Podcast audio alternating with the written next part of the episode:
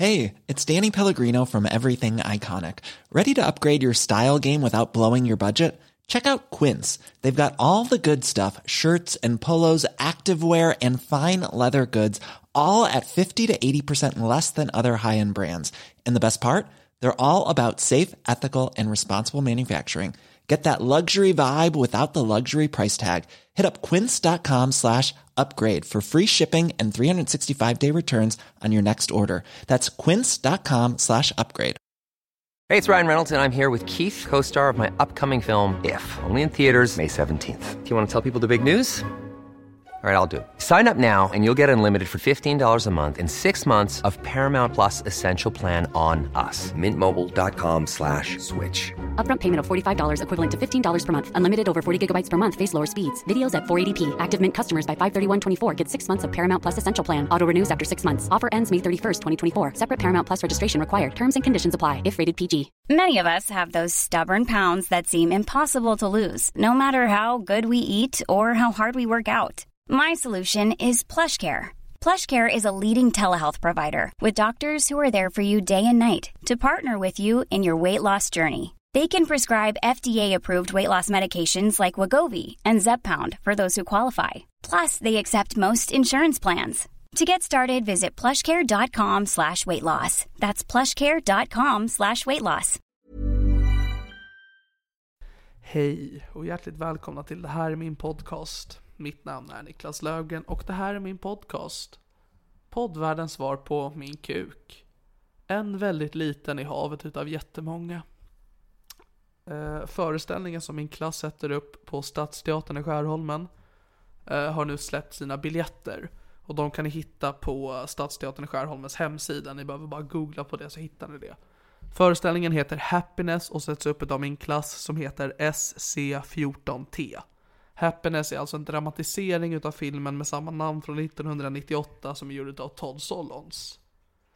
Eh, och om ni vill att jag ska sälja in det så så här. Vill ni se mig runka på en scen? Då vet ni vart ni ska ta vägen. Till Stadsteatern i Skärholmen och se Happiness. Där, där kommer jag runka på scen.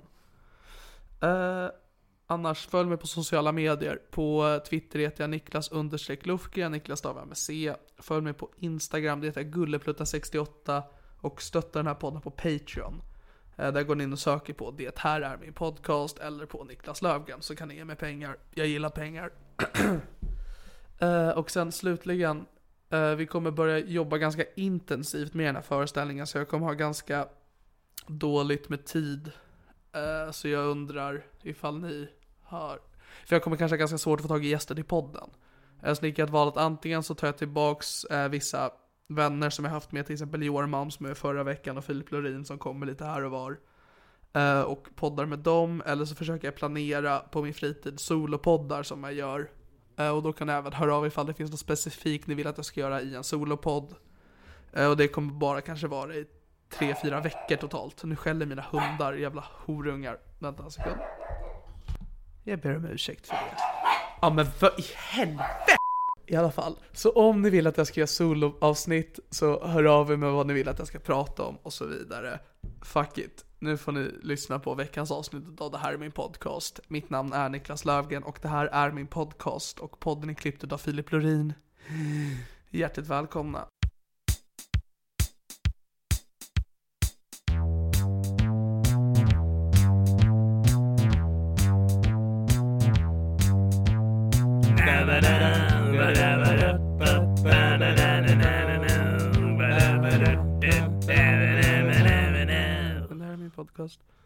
Hej och hjärtligt välkomna till Det här är min podcast. Mitt namn är Niklas Löfgren och det här är min podcast och mitt emot mig sitter Sandra Ilar. Välkommen. Tack så jättemycket. Hallå hallå. Läget? Det är bra. Det är bra. Som vi snackade om, jag har mest hunnit vakna och käka frukost. Vad trevligt. Men det känns bra. Mm. Hittills. Har det inte gått åt helvete. Men hur länge har du varit vaken? Uh, sen nio ungefär. Strax efter nio. Och du sa att du vaknade sent eller? Ja, jag tycker det är sent. När brukar du vakna? Uh, jag hade en period när jag gick upp fem varje morgon. Det är för tidigt. Ja, uh, det, det har jag släppt nu för det funkar inte riktigt med stand-upen. För man blir helt... Ja nej gud, det, Uh, hur, hur, hur länge sov du på nätterna då? Då var det mer, alltså det var framförallt under perioden när jag pluggade väldigt intensivt. Okej. Så då kunde jag gå och lägga mig såhär 9-10 nästan varje kväll. Du vet som ett barn. Ja. Och så gick jag upp fem och började så dagen väldigt strikt med så här, läste tidningen i en viss ordning. Hade ett så schema för dagen uppdelat i 45 minuters pass. För då är du ju ett lydigt barn också, för ingen sa ju åt dig att göra det där. Nej exakt. Det var, jag var som så här mellan kanske 23 och 25 när man ska ut och festa som mest. och så valde jag att leva som ett barn i princip. Ångrar du det? Eh, nej, det var en väldigt givande period. Jag Ja. läste jättemycket böcker och skrev mycket. Mm. Och så var jag, jag träffade i princip inga människor under den här perioden. Mm. Det var att jag åkte ut kanske och träffade Evelyn ibland. Eller, Evelyn Mock. Ja, exakt. Eller Aron Flam bodde nära mig då också. Ja. Så att jag åkte dit och så pratade ibland när jag behövde. Men jag hade i princip alltså, ingen social kontakt riktigt. Mm. Men det var ju så här, för en så här ensamhet som är självvalda är okej. För Ja. jag hade ju som, jag kunde ringa med föräldrar när jag ville och vänner och så. Ja. Men jag tror en ensamhet som är ännu mer på riktigt är mycket mer outhärdlig. Eh, ja, Ja. ja. men som man inte väljer själv. Nej men exakt, man har ingen att ringa även om man hade velat. För den där var ju ändå självvalt. så då, det var mer som ett experiment från min sida och att jag ville vara väldigt produktiv. Som varade. Uh, kanske tre, fyra år. Det är ett långvarigt experiment. Ja, ja, ja. Men sen nu när jag börjar köra stand-up och man jobbar sent på kvällen Mm. och ibland tidigt morgon också. Men eh, framförallt sent på kvällen då funkar det inte riktigt att gå upp fem. Ja, nej. Då håller man inte sen när man ska upp på scen vid 22. Alltså då får man ju istället göra så att man sover på dagarna också. Ja, Och exakt. sover i korta pass istället. Ja, tupplurar är ju bra. Det är det. Jag tycker om powernaps. Ja.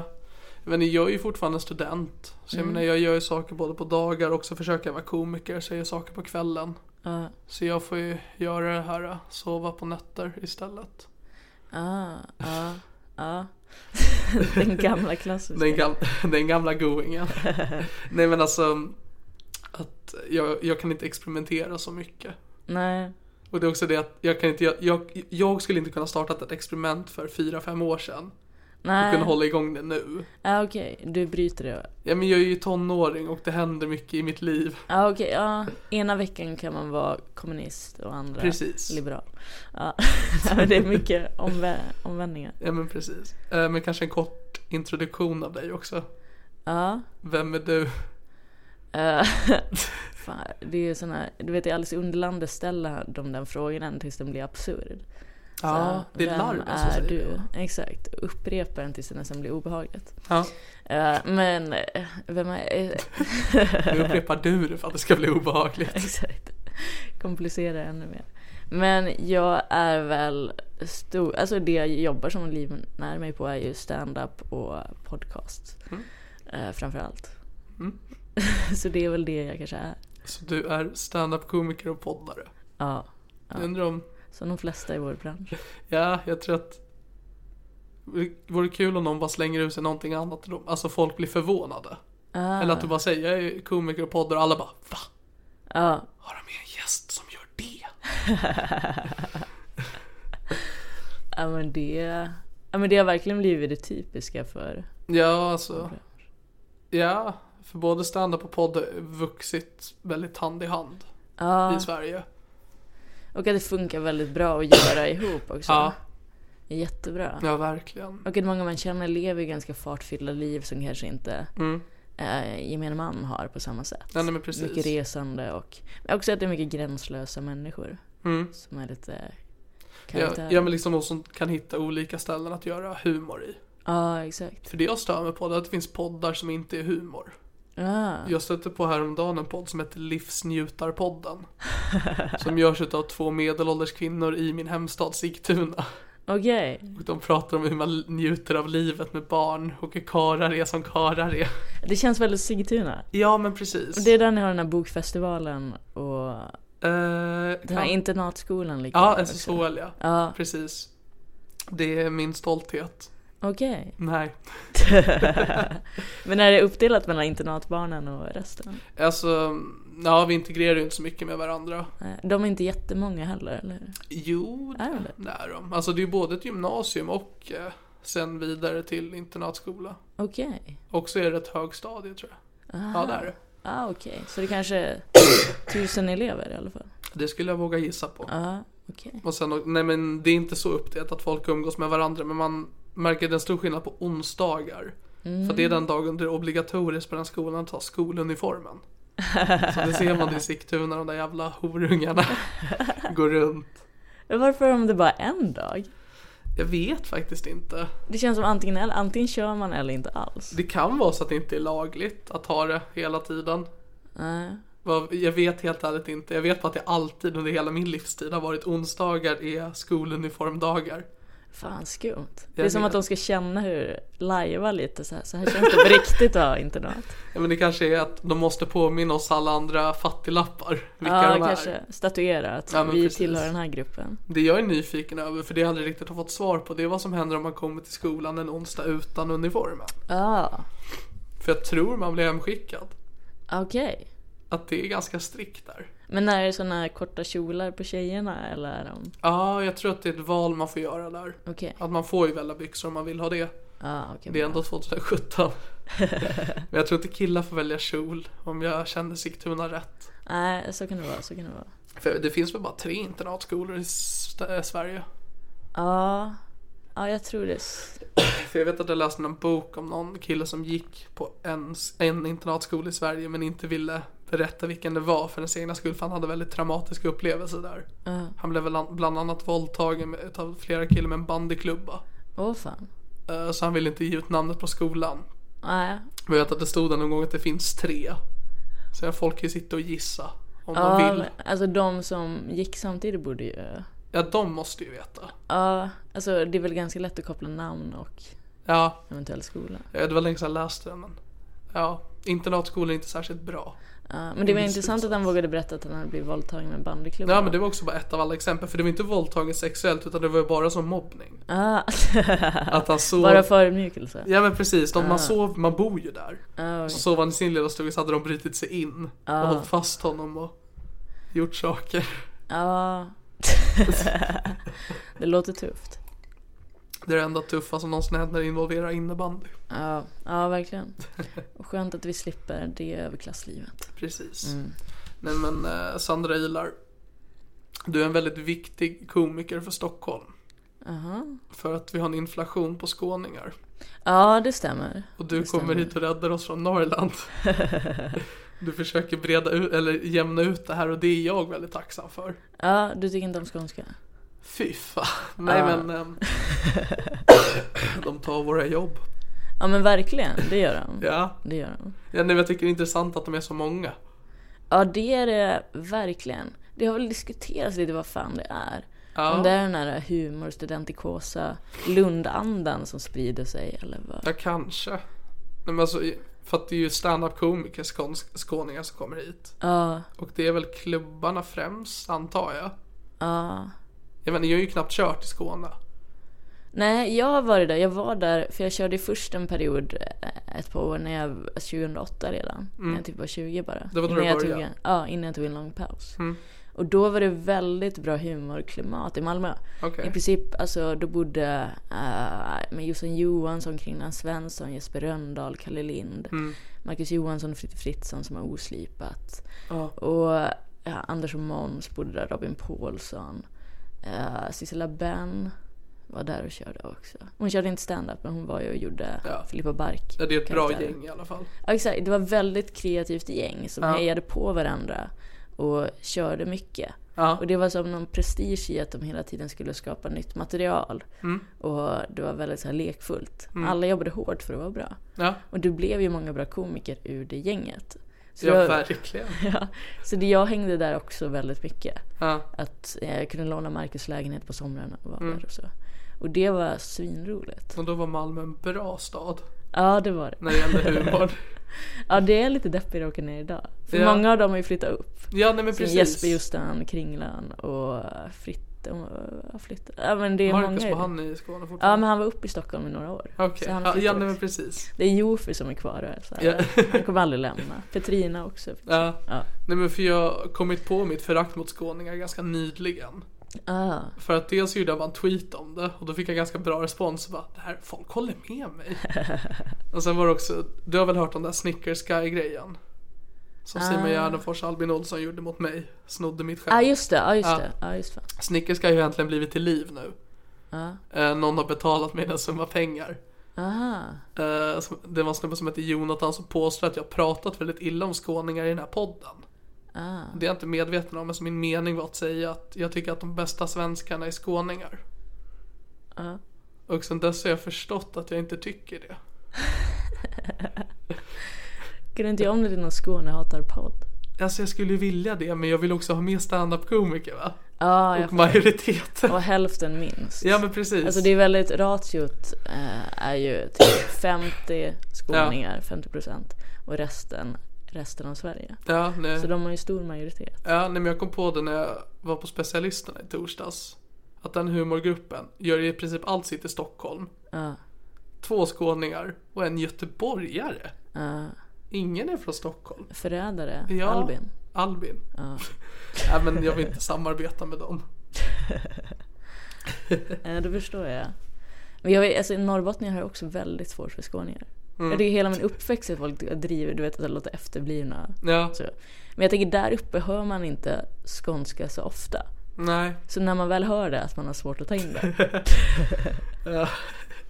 Ja, men jag också halva min familj kom från Kiruna. Ja, Så jag kan också dela den sy- synen på det också. ja, Nej för nu är ju Skåne så normalt. Uh, alltså att jag hör det så ofta. ja men exakt. Både att man träffar de här komikerna och att man lyssnar på deras poddar. Ja. Så att det fastnar i en. Så nu har jag knappt till. Nej exakt, jag hör ingenting alls. Nej. För man har så många vänner som är skåningar. Ja, nej, för det kommer jag ihåg när jag var liten och såg Johan Glans. Ja.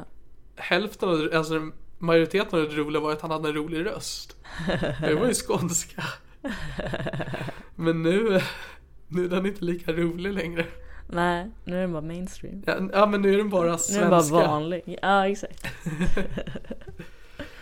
Eh, Så jag ville bara poängtera att du är väldigt viktig för Stockholm. Ja, tack så mycket. Jag tycker min norrbottniska har ju försvunnit lite. Ja, Den var mycket bredare när jag flyttade ner. ja nej, men jag vet inte, man man hört att det kommer ut några Ja, men drag det är bra. För jag vill jättegärna ha kvar den. Ja, Men det är att jag hinner åka upp så sällan. Mm. Sen så tror jag att det beror lite på att man är ett socialt djur som anpassar sig efter gruppen. såklart. Du vet såhär omedvetet, även om jag inte vill prata stockholmska, Ja. så blir det det bara för att inte känna sig... Alltså, Ja, ja, ja verkligen. Ja, men även om det är medvetet eller inte. ja men exakt, för man vill inte vara den här prickiga hästen som blir skjuten först. Varför ska de skjuta en pricka? För att den syns bäst. för att den sticker ut. Jag förstår. Ja, De sköt lilla gubben. exakt. Nej men, eh, nej men det går ju inte att vara i en grupp Alltså allt för länge utan att man påverkar sig själv i det. Nej, nej verkligen inte. Ehm, nej men det är ju bara för att, för jag, jag går i en estetisk klass. Ja. Så det är en väldigt annorlunda grupp människor där jämfört med komiker. Mm, Och jag menar, det sker en skiftning för mig där. mm, Inte att det blir liksom politiskt korrekt eller liknande. nej. Men jag märkte att när jag är i den gruppen, då är jag den roliga. Och sen när man kommer till komiker, då är jag inte det längre. Men du är ju rolig. Jo men jag är rolig när det är skrivet. Jag är Ah. inte särskilt bra på att vara socialt rolig, har jag märkt. Nej men det är lite övning, för jag hade inte övat på det så mycket under uppväxten. Mm. Jag visste, för vi, vi hade ganska konstig klass. Det var som bara killarna som fick skoja. Var hade inte en konstig klass. Nej, kanske inte. Nej. Utan, men det var väldigt så här hämmat. Att Mm. tjejerna, vi var tysta. Men när vi väl var i ett slutet rum ihop. Ja. Då var vi alltså verkligen svinroliga. Ja, Men som att vi inte lär oss att vara det spontant. och när att man inte var... ta plats kanske. Nej, utan det var först när vi var i i slutna rum Mm. som det blev svinroligt. Eh, så det är som någonting som jag behöver lära mig lite. Ja. För jag känner det typ när man spelar in AMK morgon eller så. Ibland så hamnar jag så off för att jag som tappar självförtroende eller så. Det är inte lika naturligt för mig Ja. som kanske för Sonneby att sitta och så här äh, bara dra skämt och Ja, nej, ja men så- såklart. Så även om jag tror att jag besitter en rolighet så är Ja. jag dålig på att visa den. Alltså att Ja. jag, för jag blir för självmedveten eller för osäker. Ja, jag förstår. Och det kan jag relatera till vad jag har märkt nu när jag har träffat komiker. Ja. Men det har aldrig varit så för mig tidigare utan jag har ju varit den som har kunnat ta plats och vara rolig. Ja. Och det kan ju bero på att jag också har vuxit upp som man och med patriarkatet och grejer. Men ehm, Det var först när jag började träffa komiker, då blev jag självmedveten och blev rädd. Mm. Jag tror det är för att jag vet att de är mycket bättre än mig. Tycker jag. Ja, För att jag känner ju till dem. ja, kanske. Men det kan också vara att de bara är mer erfarna. Ja, såklart också. För att du är så ung Niklas. Ja, men när man kommer in som ny och inte har någon riktig plats Ja. i gänget. Ja, Att det tar ett tag att hitta den vilken roll man har Ja, i nej, men komikerkretsen. nej men jag ändå... Det var så länge sedan jag liksom kom in i en ny social grupp. Ja, än när jag började med standupen. Och det är en sån, så stor skillnad som ungdom som alltid har umgåtts med folk i min egna ålder. ja, Och komma in i det här liksom havet av annorlunda människor.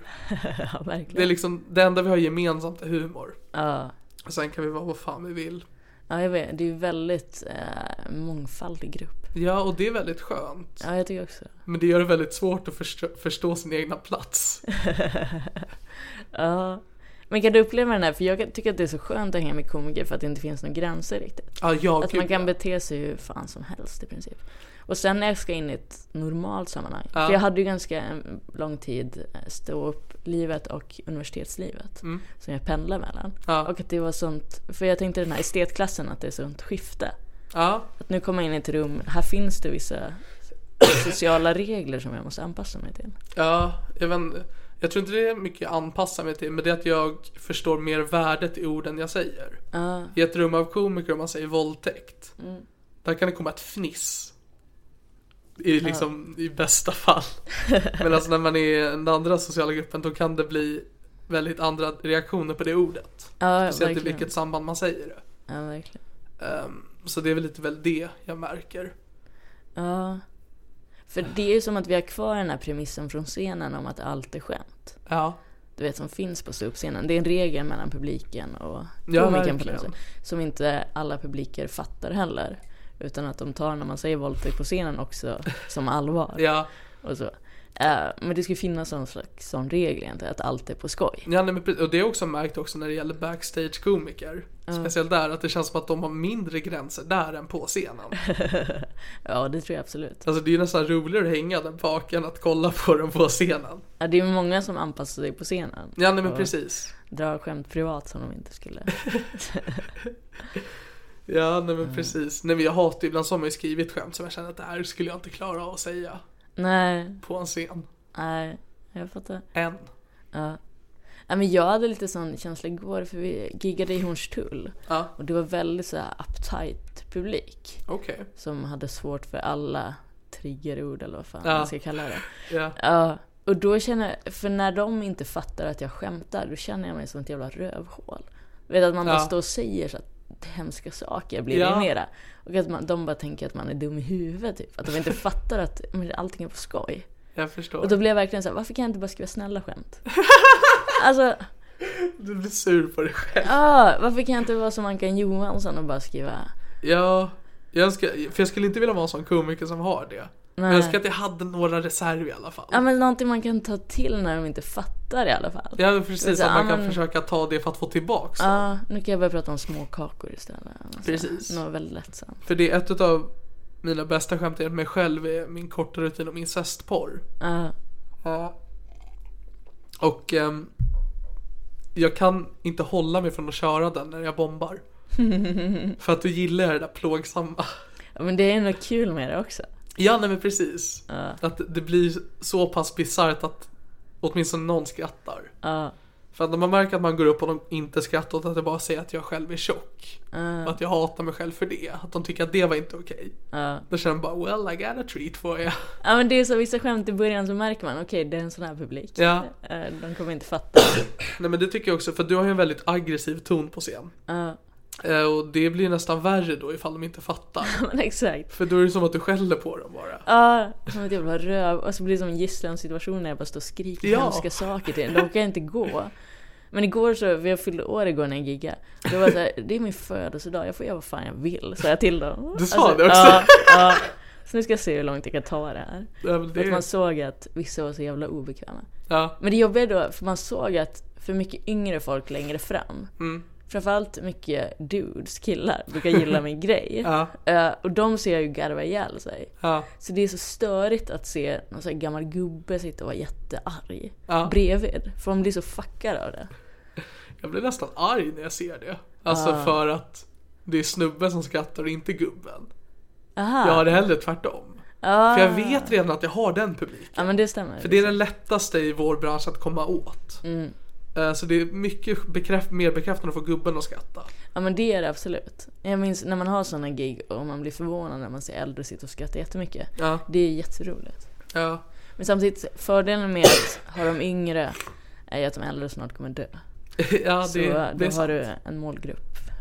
Nej men det är också, för det har jag märkt att ju grö, grövre man går desto mer maskulin publik får man. Ja, jo. För jag, jag är ju alltid på specialisterna comedy club, Mm. club.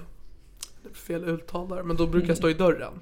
Mm. Och då ser jag vilken publik det är som kommer. Mm. Jag skulle inte säga att det är 50-50 i könsfördelningen om jag ska köna folk ut över deras utseende. Nej.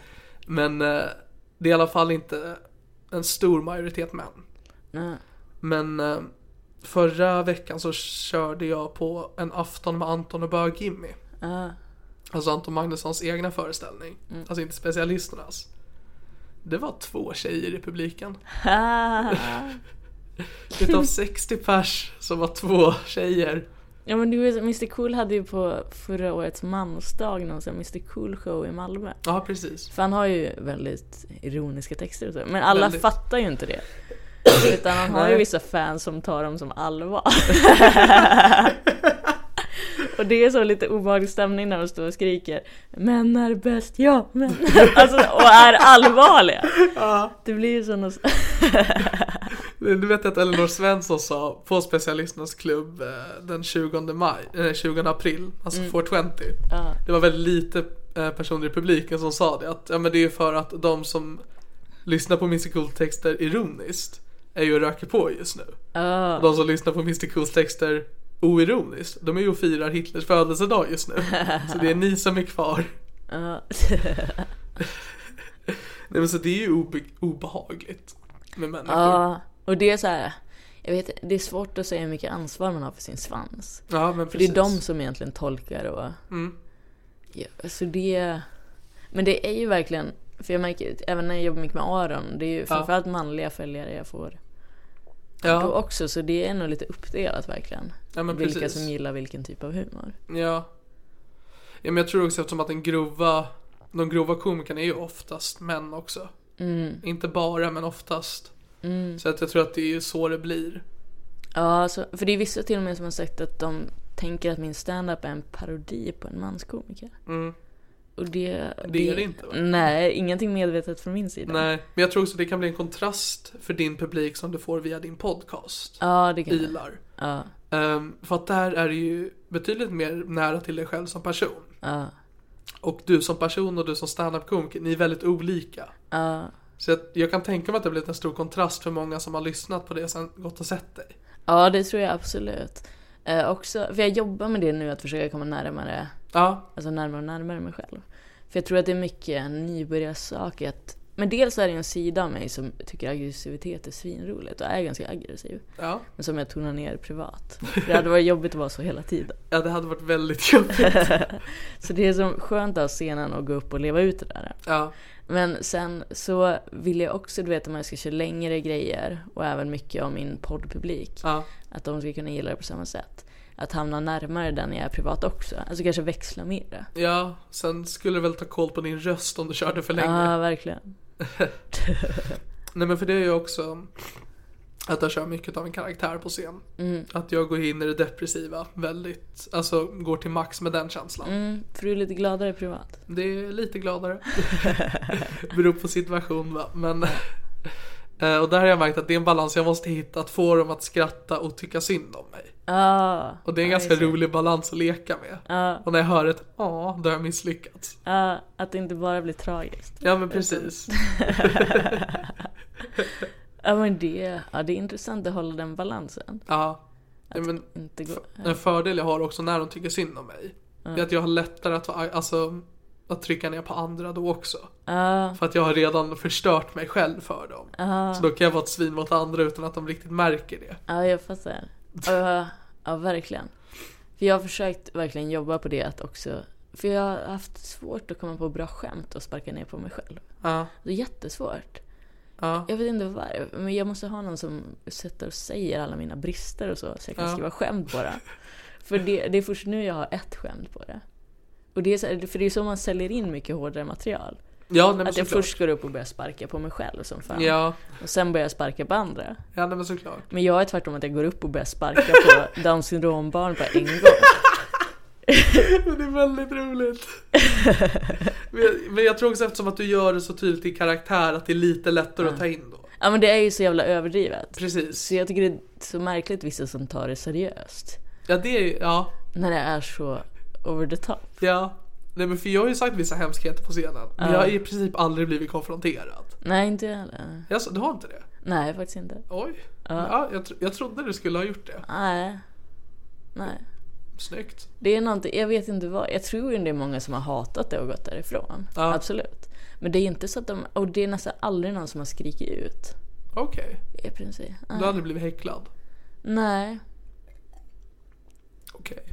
Så det är lite märkligt. Ja, ja men det är ju ändå bara tur. Ja, i princip. Och att njuta av det. Ja, jag vet inte fan hur jag skulle hantera det. Men Nej, det är inte jag heller. det var någon gång det var ett spädbarn i publiken. Som lät en massa. Ja, det brukar de göra. Ja, så då skrek jag håll käften och sug min kuk Ja, till barnet. okej. Eh, och det funkar. Alltså, Ja. eh, det var, jag hade publiken med mig. För Ja, de, det- tyckte, de tyckte det var större också tror jag. Jag ser min kuk till barn. Såg du föräldrars reaktion? De skrattade så det var, Okej. det var lugnt. Men, Bra föräldrar. ja, men man ska inte ta med bebisar på stand. Nej, det ska man inte. Regel nummer ett. Mm. Regel nummer två är skratta. Ja. Nej men, för att jag är väldigt oartig mot publiken när jag väl integrerar med dem. Mm. Antingen så är jag bara väldigt nonchalant eller så är jag konkret oartig. Att så fort någon säger någonting, jag typ tappar ett glas, då är min reaktion bara käften och så går jag vidare. Utan att alls gå in i det. Nej. Och sen har jag rutiner när jag integrerar med publiken. Ja. Och då antingen så säger jag åt dem vad de ska säga. Eller så lyssnar jag inte på vad de säger. Och det tycker de andra är roligt. Ja, För så du tar inte in det oavsett? nej gud nej. Att du har planerat lite hur publiksnacket ska gå? Alltså jag har en rutin där jag ber den i publiken häckla mig. Ja, just det. Ja. Eh, Så det är liksom Det är skönt. För att jag tror att det också trycker på liksom, att han är socialt inkompetent, han får göra så. ja, men lite. Det är ändå skönt att inte försöka måla upp sig som att man måste leva upp till något. Alltså Ja. antingen att man är vettig eller utan om man är en idiot så slipper man de här kraven lite. Precis. För det är som bara att se skillnaden typ ifall Branne skriver något på Twitter, Branne Pavlovic. Ja, Eh, Ingen tar ju det seriöst, han får ju inget drev mot sig. Nej. Sen vad han än skriver. ja, Men om Soran skulle sitta och skriva samma saker Då skulle han få jättemycket skit ja, ja, För att han har mycket mer en god image ja, men där är också att han har betydligt mer följare. Så Ja, det med, missuppfatta. det med, det Han med. gjorde ju bara någonting mot Schyffert någon gång på skoj, typ skrev käften. Och det blev en Aftonbladet-artikel. Oj Så jag menar, han har nog inte så lätt. Nej, nej Jag tror att ja, så fort han beter sig lite illa tror jag Ja, folk vill ja men det är väl det Mårten Andersson pratar om nu. Ja Att exakt han kommer inte undan med saker andra gör. Nej, jag tror man gillar att dreva väldigt mycket på Mårten Ja, jag har aldrig träffat honom. Mm. Och egentligen aldrig sett hans stand-up. Men jag tycker skämt om honom är kul. Men han har blivit lite en slagpåse Ja, nej men jag märkt det. Det här, för det känns också som att han har varit borta och nu kommer tillbaka. Ja, ja så är det. Han hade ju Sober länge och Ja, var inne på det spåret ett tag och sen la han ner Raw ett tag Mm. också. Och körde igång nu för några år sedan. ja nej men för jag vet att han gjorde den här föreställningen under ytan för några Ja år just sedan. det, och det var då han fokuserade mer på sina egna. Ja, men det var när han gjorde Hybris, det hängde jag inte alls med i hände. Nej, när han sa den gick inte lika bra. Ja, Alltså dels så var det kanske inte lika intressant ämne tror jag han själv sa. ja okej. Att eh, under ytan låg mer nära han själv och var mer personligt. Mm. Och då blir det mer intressant också. Ja, okej. Nej men för att återgå till karaktär på scen. Så har jag märkt att ett problem jag får. Mm. Det är att jag har väldigt svårt, alltså det begränsar mig vissa skämt. Mm. Jag kan inte skriva rutiner om när jag varit ute med vänner eller någonting. Nej, För att det skulle de inte gå på. alltså, förstår du vad jag menar? ja jag fattar. Att det, Att när man är inne på ett visst spår som karaktär. ja. Även fast det inte är en tydlig karaktär. Men det är liksom att man kan inte skriva om vissa saker då. Men känner du dig låst i det eller att det är skönt att ha en, jag vet vilka skämt som ska vara i min act? Just nu är det skönt. Ja, Men det, jag är ändå så pass ny. Mm. Ehm, så ett tag till kan jag nog glida på det. Nej men det är som, alltså om man går in, jag ser inte min riktigt som en karaktär utan det var mer ett sätt jag levererade. Ja nej men såklart. För det var ändå väldigt mycket av mig själv. Men jag vet jag pratade mycket med Messiah Hallberg om det också. Han hade ju ännu mer så överklasskaraktär. Ja När verkligen. han började med standup. Ja. Även Aron var mycket mer stoneface. Ja. Och stod mycket hårdare och Ja. var mindre avslappnad. Och hade mycket kortare, Mm. tajtare skämt. Eller så här korta one-liners mycket. Ja, det var- ju det han gjorde då. Ja, det finns något gammalt rawklipp som är väldigt tydligt när han gör det. Ja. Men det är också, för jag tror att en karaktär, som jag sa att det är lite trygghetsgrej när man börjar med stand-up. Ja. Att man inte flyr in men man skapar utifrån karaktären. Ja. För då blir det också lite så här, ja men om de inte skrattar så är det åt karaktären, det är inte åt mig. Ja, alltså nej, du men- vet ja, lite ja, så. men. Lite så blir det också. Ja. Men också att det är ett tydligt sätt vilk, utifrån hur jag ska skriva mina skämt. Ja. Man har Ja, någon slags mall som man jobbar ifrån. ja nej, men det är väldigt många så här, säkerhetshjul på det. För också det att, ja, men att man blir trygg på scenen. Mm. Men det är inte jag som står på scenen, det är min karaktär. Nej, för jag, menar, skulle inte säga att det är jag själv är heller en karaktär. Nej. Eh, För jag menar, det är fortfarande en del av mig själv jag bara förstärker. Ja, exakt. För materialet du skriver, det kommer ju ändå på något sätt från dig själv. Ja, det gör det alltid. Även fast jag inte tänker knulla mitt framtida barn. Ja. Kanske. Jag utesluter inget. För Men, både Messiah och Aron har ju kvar mycket nyanser av det de hade i början ja, nej, också. precis. Så det är ju väldigt mycket av dem. Ja. Även om det var mer karaktärs... Nej, nej, för att det var ju någon karaktär som låg nära dem. Mm, exakt. Det är de själva, men inte riktigt. Ja men det är så en del av sig själv man förstärker. Ja, jag det med. Och det är det jag tycker är intressant med dig, för du verkar ju inte som en aggressiv person. Nej, alltså jag är ganska bra, alltså jag är lite aggressiv privat. Ja, Men att jag är så socialt uppfostrad så jag, Att jag gör inte det bland folk. Jag har Det- tänkt att det är också lite, alltså det är kanske generalisering och förenkling. Med den här flicksaken. ja, Att man inte beter sig illa bland folk. Alltså det är lättare för en ADHD-kille att vara damp i klassrummet. Medan jag har hört att tjejers ADHD mer är på insidan. ja, Att man blir kaosig inombords och utagerar mycket hemma. ja Du okej. vet, inte bland folk. Utan Ja. då försöker man skärpa sig. Utan när man är hemma kanske man är så bråkig och jobbig. Jag förstår. Och att det kan bli mera framöver, att det blossar ut Mm. tydligare. Och så var du eller? Ja, lite, alltså ja. Mycket av de karaktärsdragen. Ja, För jag kan bli väldigt så frustrerad privat. ja. Och jättedåligt tålamod.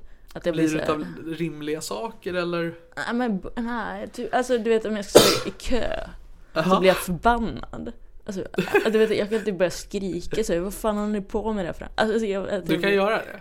Ja, om du, eller om jag tycker att någon så här, Typ om någon går framför mig just och tänder en cigg så jag får röken i ansiktet. Ja, Jag blir skitförbannad. ja. Att jag säger, hur fan beter du dig? Säger du eller tänker du det? Nej, jag, jag kan säga det också. Ja, ja, Du vet så här, lite så här pinsamma saker. ja. Typ om någon så här försöker tränga sig kan jag säga, du trängs fan inte. Du vet att jag, är så, att jag är så här, väldigt så här aggressiv Ja. privat. Men att, för jag är också, tror jag, väldigt snäll människa. Så det är lite så här, Jack, Ja. And Hyde. Jag, Att så här, två sidor av en Ja. person. jag, jag förstår. För det är som att jag saknar det här mellanläget. Ja, Att antingen jätte, jättesnäll eller så här, jättearg. jag gillar också att du hade några rimliga anledningar att bli arg, men också att det var kö. Ja! Jag gillar först där liksom, men rök inte med ansiktet, det är inte okej, förstår det. Ja. Står det ICA, vad fan! Ja, men jag, fan, ni tar min tid. Ja. Varför har ni inte gjort det här systemet bättre? Varför ska jag stå här? Ta in en till människa i kassan för fan. Okej. Ja. Du är som en mänsklig version av Örjan i Hjälp. Ja men jag tror jag kan stå två minuter, sen skiter jag i att handla. Ja, Alltså jag blir så arg. Och så går jag bara. Så tar det ännu mer tid för då måste jag gå till en annan butik och plocka ihop samma grejer igen. fan det här är en nyhet för mig. Så jag tjänar inte på det alls. Nej men det, Men det är någon sån här rastlöshet. Du vet så även om jag ska gå på bio, jag kan inte sitta en hel föreställning. du kan inte det. Såvida det inte är svin, svin bra. Mm. Men det är sällan där. Det är ofta lite mellan, stundvis är det bra, Ja. ibland dåligt och sådär. Och jag kan inte sitta kvar. Utan jag måste gå ut och så går jag in igen och så, alltså, Så du är en väldigt rastlös person. Ja, samma sak på föreläsningar och sånt. I Ja. skolan. Alltså jag måste alltid sitta ganska långt ut, även på bion. Jag förstår. Så att jag lätt kan komma ut utan att störa någon. Ja. Okej. För det var också så, för jag pluggade filmvetenskap väldigt länge. Ja. Och då satt jag mig alltid längst bak, för då såg man ju så här, du vet så här stumfilmer från 1910-talet. Jävligt sega. Alltså Mm. Ja. vackra på många sätt och intressanta. Ja. Men stundvis svinsega. Och jag blir knapp. Eh, Så jag satte mig alltid längst bak på raden, för det satt ofta och så, så jag gick fram och tillbaka. Ja. Du vet, att, utan att störa någon. Ja. Eller så bara så jag kunde stå i alla fall och slapp sitta. Men är det samma sak när du är själv? För jag vet att du läser ju mycket. Ja, men det, då gjorde jag de här 45 minuters passen. Okej. För det är typ det jag fixar. Ja. Ibland. Men jag är väldigt, tänker på annat också. Okej. Så det kan ta en jävla tid ibland att läsa. Det trodde jag faktiskt inte. Att, jag trodde det var betydligt mer icke så. Nej men det, jag tror jag har behövt lära mig Ja. att bli. Så när jag var i högform när jag pluggade typ 250% då Ja. läste jag svinsnabbt. Ja. För det är lite en träningsfråga tror jag. Att, nej, att man kan ha god kondition i läsningen. Mm. Så då lärde jag mig att läsa svinsnabbt och det hänger kvar lite. Men jag har också känt så jag slutade plugga och sen internet och sociala medier och allt som plingar hela tiden. Ja. Att koncentrationen har ju blivit mycket, Mm. mycket sämre. Ja, nej, men för, mig, för vi känner ju inte varandra särskilt väl. Ja. Men uh, utav det jag liksom ser utav det så känns det som en väldigt lugn, avslappnad och kontrollerad person. Ja. Som inte blir liksom rastlös utav att bara vara. Eh, jo. Jag- Alltså jag har alltid att jag måste göra något. Det. Jättedålig på att bara kunna sitta eller... Men jag är ganska bra på, alltså bland folk, för att jag inte tycker om riktigt sociala sammanhang. Ja, Så då är jag inte så livlig av mig. jag För förstår. jag är ganska socialt obekväm. Ja. Ja, nej, men det, det är jag med. Ja. Så jag förstår hur du menar. Ja, att man inte är en sån som står och håller låda eller något, absolut inte. Utan Nej. jag sitter hellre och så sköter mitt lite. Ja, nej, men man är socialt obekväm och man vet att jag kan inte gå ifrån heller. Ja. Då blir det väl, jag går lite in i koma. Ja men samma här. Att man bara stänger av tills det är över. Ja, som säger jag orkar inte riktigt vara social. Då sitter jag och stirrar ner i blocket och skriver. Ja. Så får jag få vara lite i Jag, försöker hitta en legit anledning att ta mig därifrån. Ja, Utan att det blir konstigt. men det är så. Så jag skulle kunna gå till toaletten. Nu. Ja. Eller? Nej. Nu, alltså att man... ja men exakt, jag kan vara säga att jag går på toan och tvättar händerna. Ja, För ja att men få precis. komma iväg lite. Precis. Ja. Men det är väldigt så här skillnad mellan hur jag vågar vara privat, alltså bland folk socialt Ja, och eh, när jag är hemma Mm. jämfört. jag förstår. Jag tror att det var lite uppväxten för mamma var väl att hon ville att det skulle vara städat och ordnat Mm. och fint när Mm. man var ute bland folk och det. Alltså Ja. vi hade fint hemma också, Ja. jättebra. Men att man lärde sig det här med att man sköter sig när man är Ja. bland folk. Men är du en strukturerad människa? Ja, jag har lärt mig att bli det. Ja. För det, det är samma sak antingen eller där. Att jag lärde mig att om jag inte gör ett schema, om Ja. jag inte tänker ut vad jag ska göra, då gör jag inte ett skit. Okej. Vet, då spårar jag iväg he- helt totalt. Ja. Så jag måste ha jättestrikt liv för att vara produktiv. Okej. Så det var därför jag inte kunde köra stand-up när jag började plugga. Ja. För att jag kan inte göra båda samtidigt. Jag måste fokusera på en sak åt gången. Ja.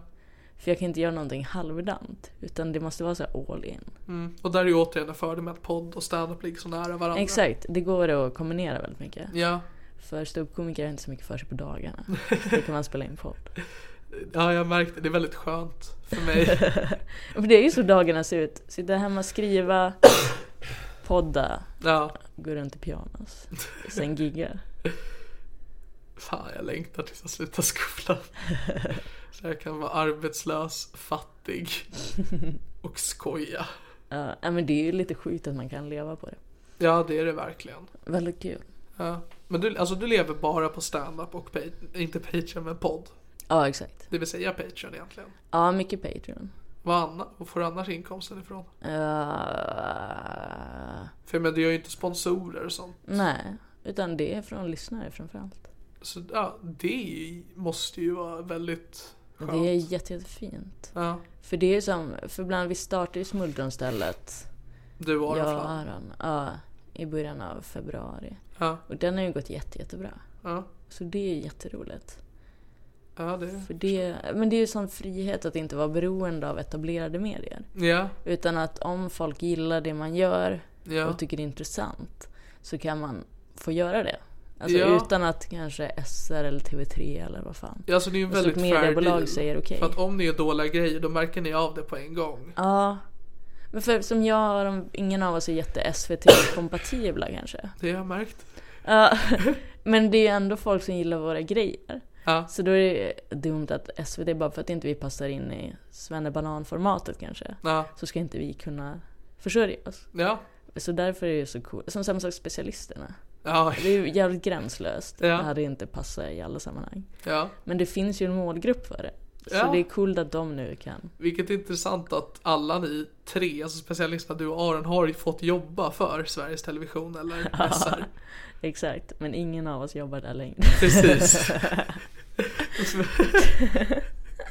Vi har fått chans. Ni alla försökte. Ja. Men hellre själv. Ja. Jag ska fan jobba på SR i sommar. Ska jag det? Ja, morgonpasset. Ah, ska jag vara en del av det eller? Ja, jag ska göra krönikor. Spännande. Så jag får komma tillbaka. Vilken tur att du pratar så positivt om dem.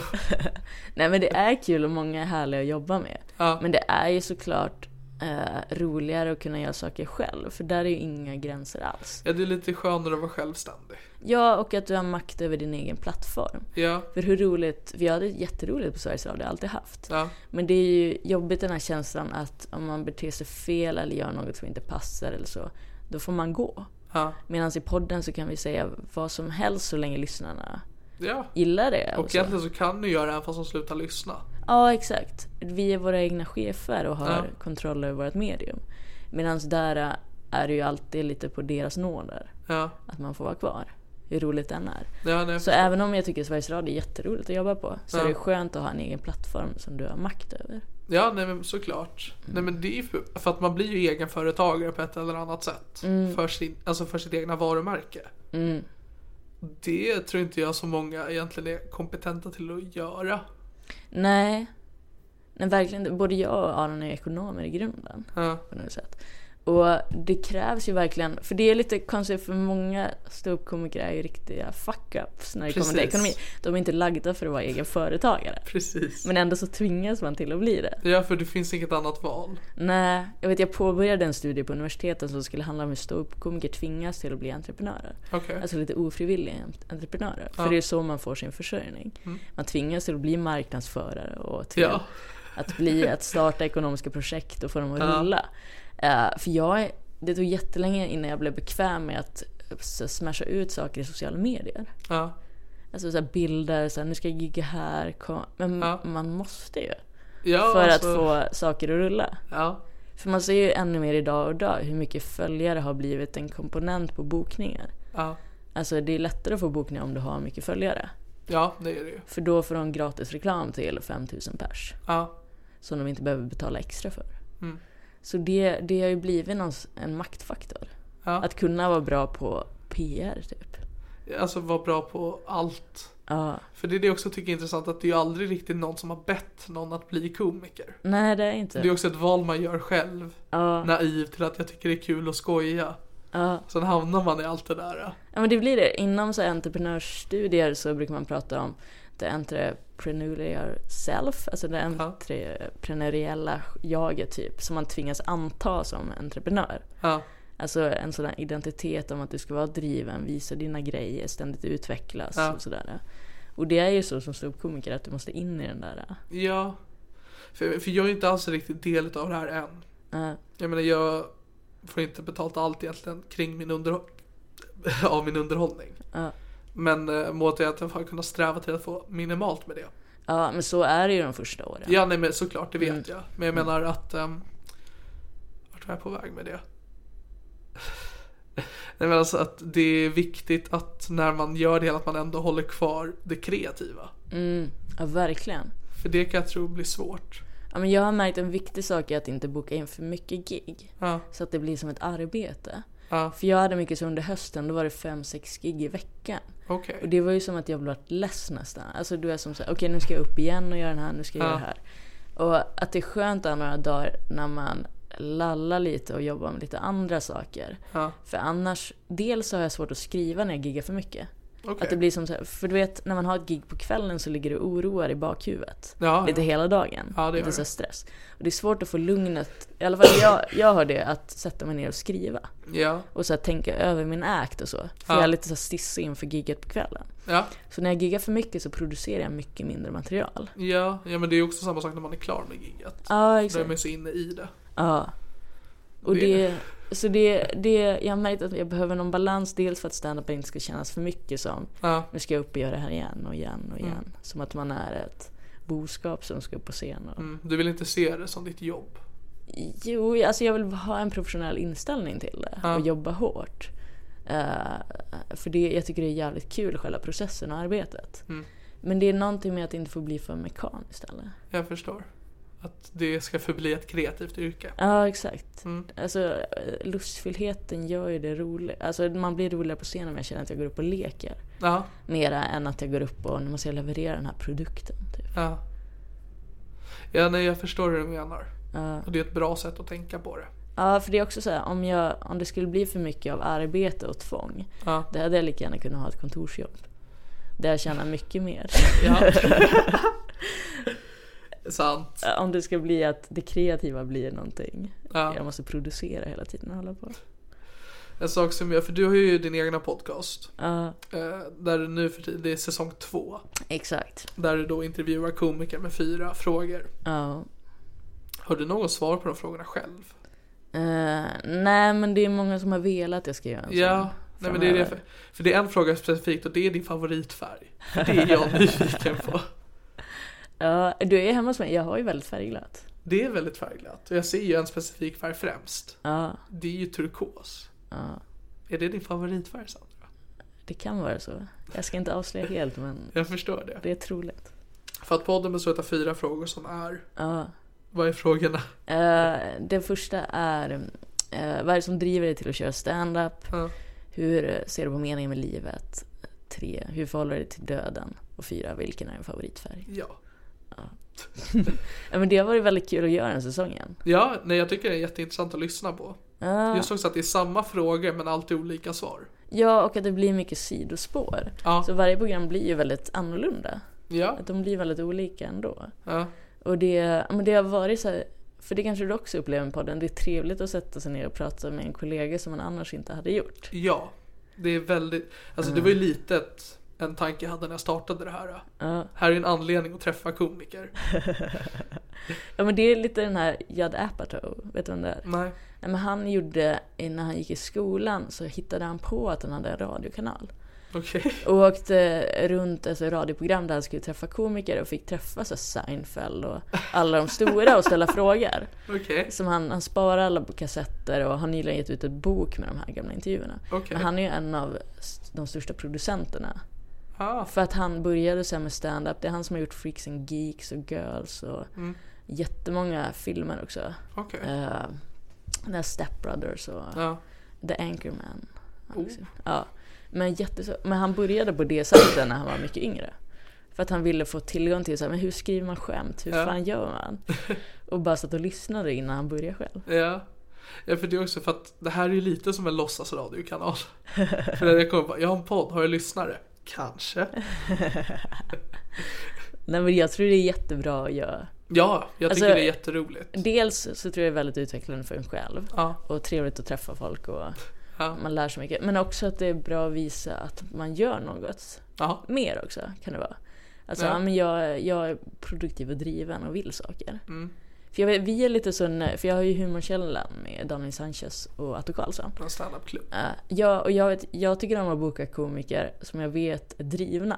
Ja. Du vet som man ser ofta på klubbarna. Eh, som vill och jobbar hårt. För det är kul att ge dem sin tid för man vet att de kommer utnyttja det och uppskatta Ja. det.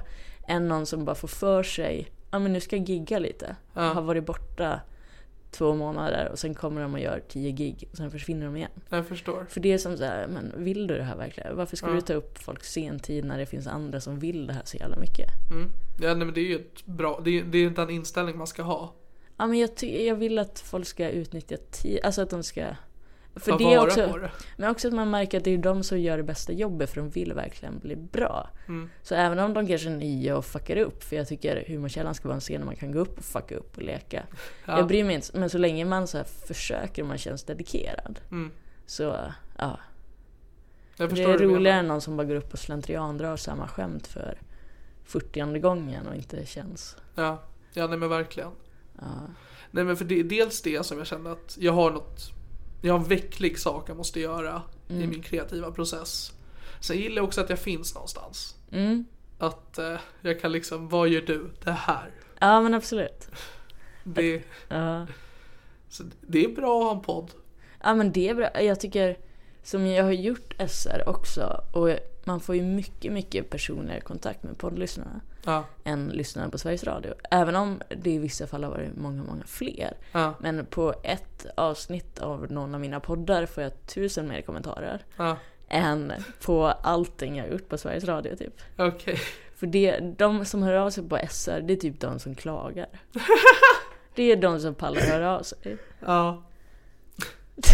Ja men där, det är ju också ganska logiskt för att när man lyssnar på SR Det är ju kanske inte att man sätter sig ner och bara nu ska jag göra det här Nej, det är det där slentrian, lyssnar kanske på väg till jobbet. Precis. De vet inte riktigt vem det är som snackar. Precis Kanske inte tar in det så mycket. Ja, jag menar podd lyssnar ju på på samma sätt på väg till jobbet Men Mm. då väljer man ju ändå vilken man ska lyssna på Ja, det är en, en slags mer aktiv lyssning. Ja, det är det De vet vem det är som snackar. De har aktivt laddat ner din podd. Mm. Och för att de är intresserade förhoppningsvis. Inte bara för att de råkar slå på radion och så här. Ja, precis Så det är en helt annan lyssning. Så det är väldigt givande med att ha podden. Mm. För att du får eh, ett gäng som förhoppningsvis gillar det du gör. Ja, Och som man når väldigt personligt. Ja, det är väldigt så här, givande kontakt med dem. det är väldigt trevligt Mm, jättemysigt. Ja Ja, det är också väldigt nytt Alltså Som, alltså Att gå från att bara vara en i mängden Ja. Till att ändå få någon slags publik Ja, exakt. Det är en ganska häftig känsla Ja. Väldigt onaturlig Men det är coolt den här första känslan när någon har köpt biljett för att se just dig. Ja nej, men Det är precis så ashäftigt. Ja, men Jag känner bara när någon känner igen mig bara, Jag vet vem du är på grund av någonting du har gjort och man bara tack Ja, Och det är ofta Snickers guy ja. Ja. Sen gjorde jag lite misstaget att döpa podden till det här är min podcast. Det säger inte så mycket. Ja, det går ju att byta namn ganska lätt. Men Jo, nu har det etablerat sig lite. Precis, och jag, jag gillar det också. Ja, ja men det är bra. Men det är också för att jag säger det också för att det är det enda jag vet om den. Ja, Jag vet aldrig riktigt vad samtalet kommer gå ut på. Jag nej. vet knappt vilka gäster jag kommer ha. Och att det kanske inte alltid är stand-up heller. Exakt. Men det är min podcast. Ja, det är det alltid. Det är det alltid. För din podcast heter ju nu Ilar Ja. fyra frågor till. En komiker delar jag till nu andra säsongen. Ja. Tidigare hette den bara Ilar och då var det mest jag som snackade. Ja, Och så var det Aron ibland och lite så. ja. Eh, Men, men, nu liksom namnet på podden är exakt det som händer i podden. ja men exakt, det är väldigt tydligt. Ja, och då känner jag samma sak för mig. det här är min podcast. Men det är så, för jag satt och screenade igenom den här eh, iTunes-listan. Ja, Och det är så här, det är så många man ser där som man just då inte vet vad det är. ja, Utan det framkommer som inte alls. Och Mm. då tänker jag någon som sitter och läser det här som inte kan poddarna, de klickar nog inte på det. ja. För de vet inte vad det är. ja nej, Så här vet de att det är fyra frågor till en komiker då. Ja, Så då är det som såhär, ah okej. De vet, det är konstigt namn. ja. Gillar, vad fan är det? Men de vet att det är fyra. Så Ja. det är lite vägledning. ja nej, jag kan tro att när folk ser titeln till det här, det är lite bara okej. Och så Ja. antingen går de vidare eller bara va, okej, klickar bara för att se vad fan gör han då. Nu vet vi bara att den är din. Så också ett annat stort problem jag har märkt med den. Det är när någon annan pratar om den. Aha. Har du hört det här i min podcast? Ja, har du en podd? Nej, det är en komiker. Så.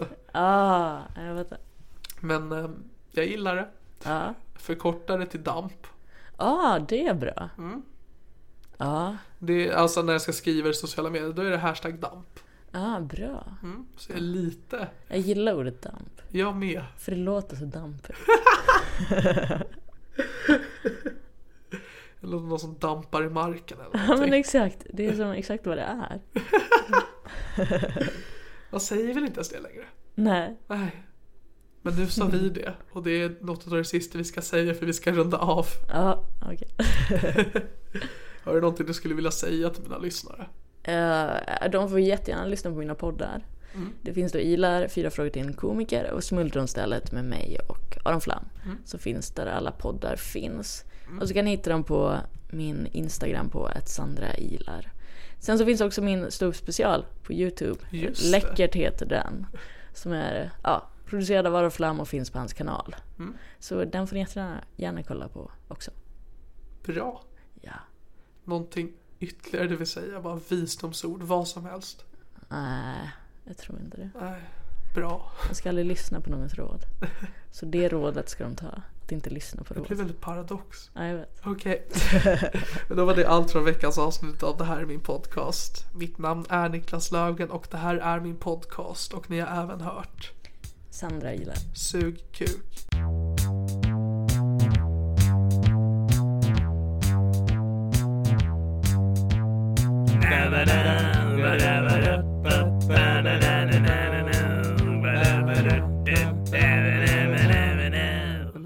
Podcast.